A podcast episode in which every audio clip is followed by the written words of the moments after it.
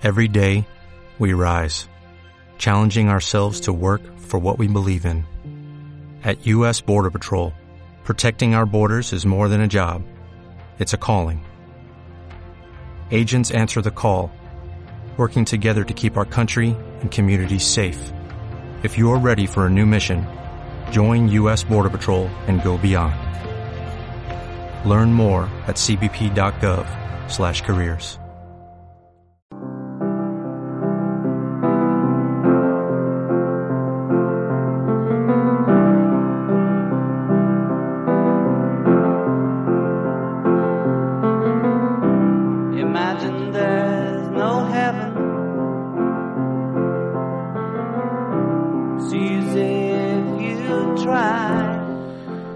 Bona tarda, o bona nit, o bon cap vespre.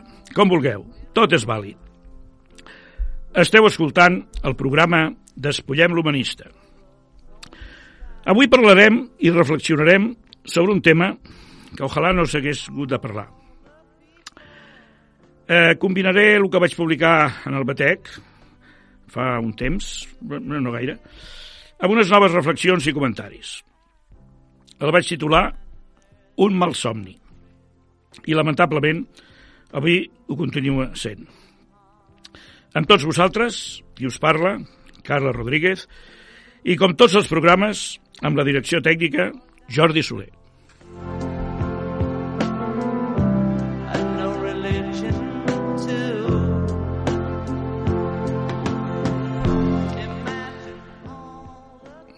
Baixi per davant que penso que està tot dit, perquè quali- qualificades plomes autoritzades i veus també d'importància han escrit i han parlat tot el que es podia dir sobre aquesta terrible pandèmia. Però vaig a intentar donar unes pinzellades des de la meva òptica d'humanista i psicoterapeuta. Els antecedents històrics eren molt llunyans i, per tant, no hi havia experiències recents ni coneixements actualitzats. A més, els governants mai han sigut molt estudiosos de la història. Només hem de recordar que Hitler no es havia, es, no es havia estudiat ni revisat la història de Napoleó. Aquest virus ha derrocat muralles i ha traspassat fronteres. Però ens ha fet tocar de peus a terra i que ens donem compte que som més fràgils i dèbils del que creiem. Però recordem també que la humanitat, al llarg de la seva història, ja ha patit calamitats, catàstrofes, guerres, pandèmies, i sempre se n'ha sortit. I també escoltem comentaris que tracten de descafeinar la situació, recordant-nos que similars quantitats de vides han costat grips, altres pandèmies, guerres, etc. Quan ocorren esbandiments inesperats, imprevistos, sentim una reacció que ens fa variar el nostre ordre de valors i aspectes que fins ara eren importants passen a un segon pla. I, en canvi, altres qüestions a les que no donàvem importància es tornen preferents. La situació realment ens ha agafat a tots per sorpresa i d'una manera imprevista. Podríem dir a traïció. Ens ha descol·locat i ens ha desestabilitzat. Una prova evident és que les visites al meu consultori s'han incrementat molt. La majoria estan motivades per la preocupació, l'ansietat i l'angoixa que produeix la situació actual. La major preocupació és per el que pot passar més que pel el que en realitat els hi passa. Aquest retir forçós que vam tindre també ens ha servit per fer un balanç de la nostra vida i poder analitzar el camí pel que caminem i valorar el que és més adequat. Ens hem donat compte que tindríem que deixar el nostre afany de competir i substituir-lo per una paraula similar però d'un significat molt diferent. Compartir. El que sí és segur és que a la nostra vida hi haurà un abans i un després. Aquesta pandèmia ens deixarà moltes ensenyances.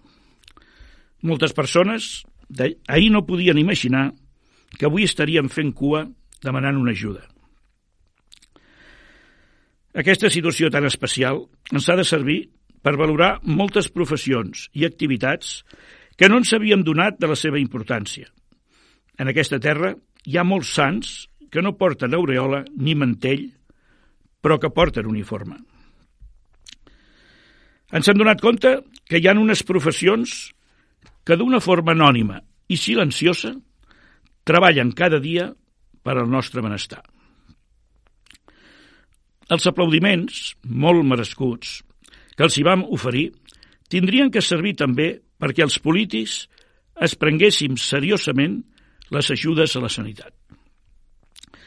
Hem viscut unes reaccions i uns comportaments solidaris i exemplars que ens demostren, ens demostren que són moltes les persones, moltes anònimes, de bona voluntat i amb un esperit altruista i solidari. Hem sentit per, per nosaltres, però potser més encara per algun familiar.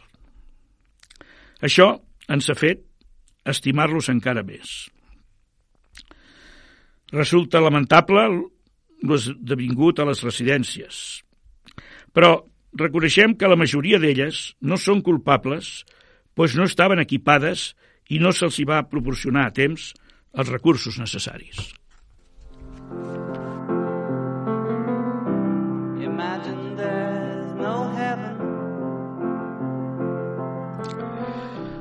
A totes les desgràcies cal procurar treure-li la part positiva que comporta. Segur que d'aquesta dura experiència en traurem ensenyances positives. Ens farà més forts per suportar els contratemps i les contrarietats. Valorarem més i millor cada instant de la nostra vida. De les tres coses que es refereix una antiga i coneguda cançó, la realitat és que ens ha confirmat que la més important i primordial és la salut. De vegades, en el nostre dia a dia, no li hem donat la importància que mereixia i l'hem descuidat. A partir d'ara, estic segur que la vigilarem i la cuidarem més. Valorem també aspectes com la família i els amics i ens adonem que són els que realment ens importen. A tots ens deixarà cicatrius i alguna deixarà marcats amb doloroses ferides produïdes per cruels urpades. Ens hem trobat amb una disjuntiva dispar. O pensàvem en la salut o en l'economia.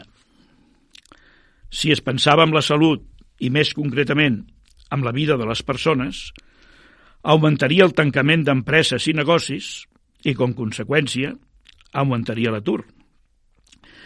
I si es considerava preferent salvar les empreses, el preu que es tindria que pagar ser seria l'augment de contagis i, en conseqüència, major número de morts. S'han sentit veus que han dit un, no ens morirem del virus, però ens morirem de gana. Però el que és segur i indiscutible és que l'economia del país quedarà molt malmesa i l'atur augmentarà d'una forma significativa. I ara vull fer unes reflexions molt delicades. S'ha dit que s'han sacrificat vides de persones grans en benefici de persones joves. S'ha arribat a dir que per ordres de dalt no es feien excessius esforços per salvar la gent gran, pues això contribuïa a reduir el pagament de les pensions. Basats en la tesis de que una menor esperança de vida comporta una reducció d'aquestes vides. Una cultura que el papa francès va definir com cultura del descart.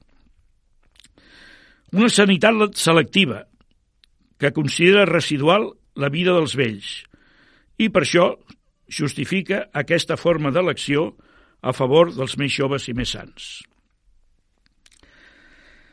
Si seguim les notícies, ens donem compte que ens hem deshumanitzat.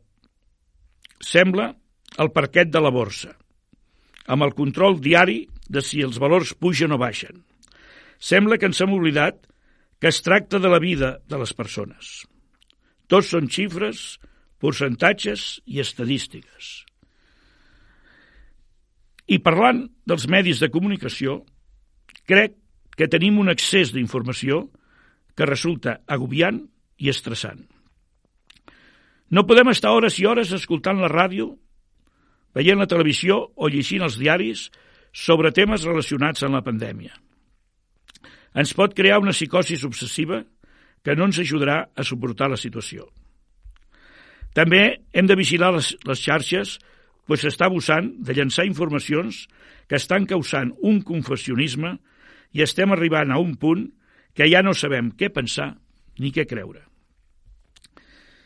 Cada dia són més les persones que decideixen no veure la tele, ni escoltar la ràdio, ni llegir la premsa sobre aquest tema.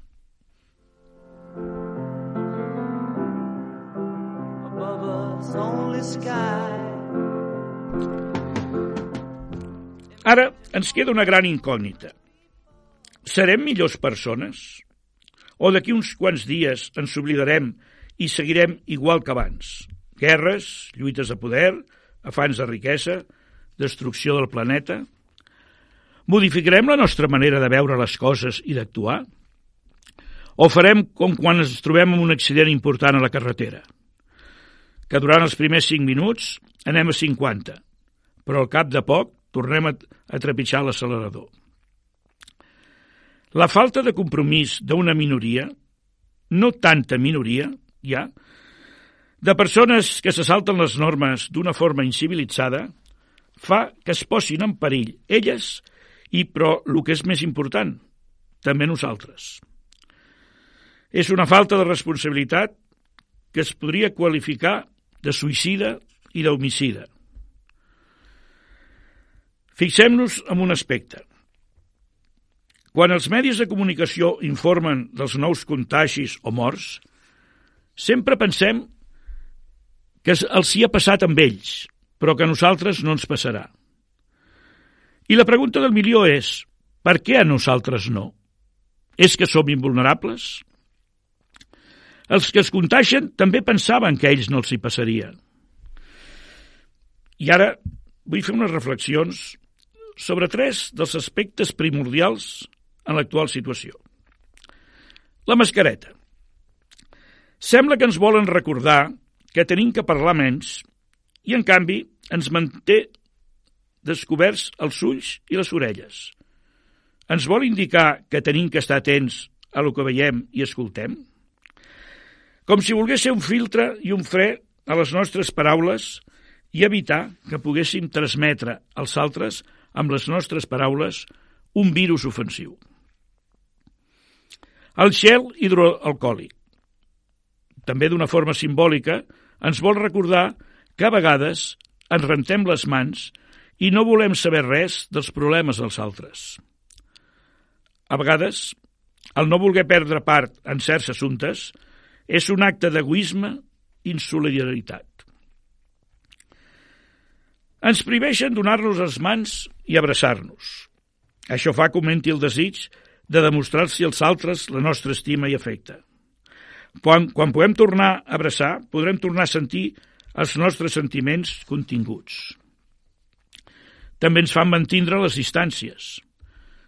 Això ens recorda que ens hem d'allunyar de les persones que ens resulten negatives o tòxiques.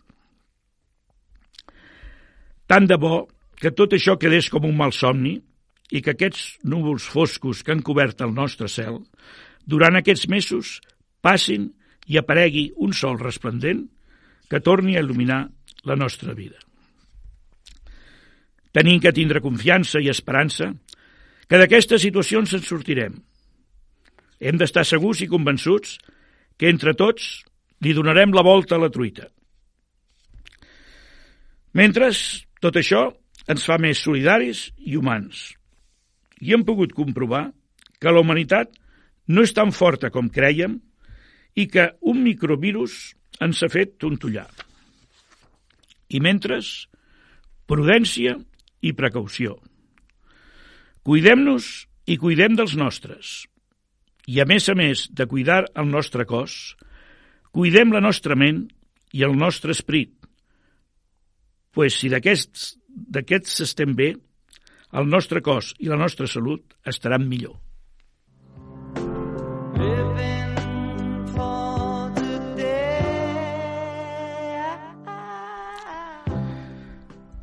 Suposo i entenc que aquestes reflexions i opinions no siguin compartides per alguns i algunes de vosaltres.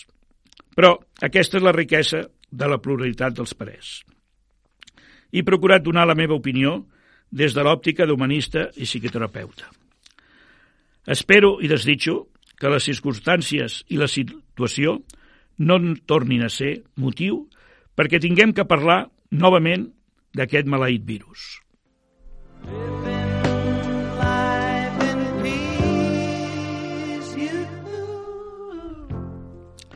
I res més per avui.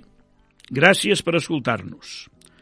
El dimecres que ve tornarem a ser-hi per oferir-vos una nova programació. Cuideu-vos i sigueu feliços. join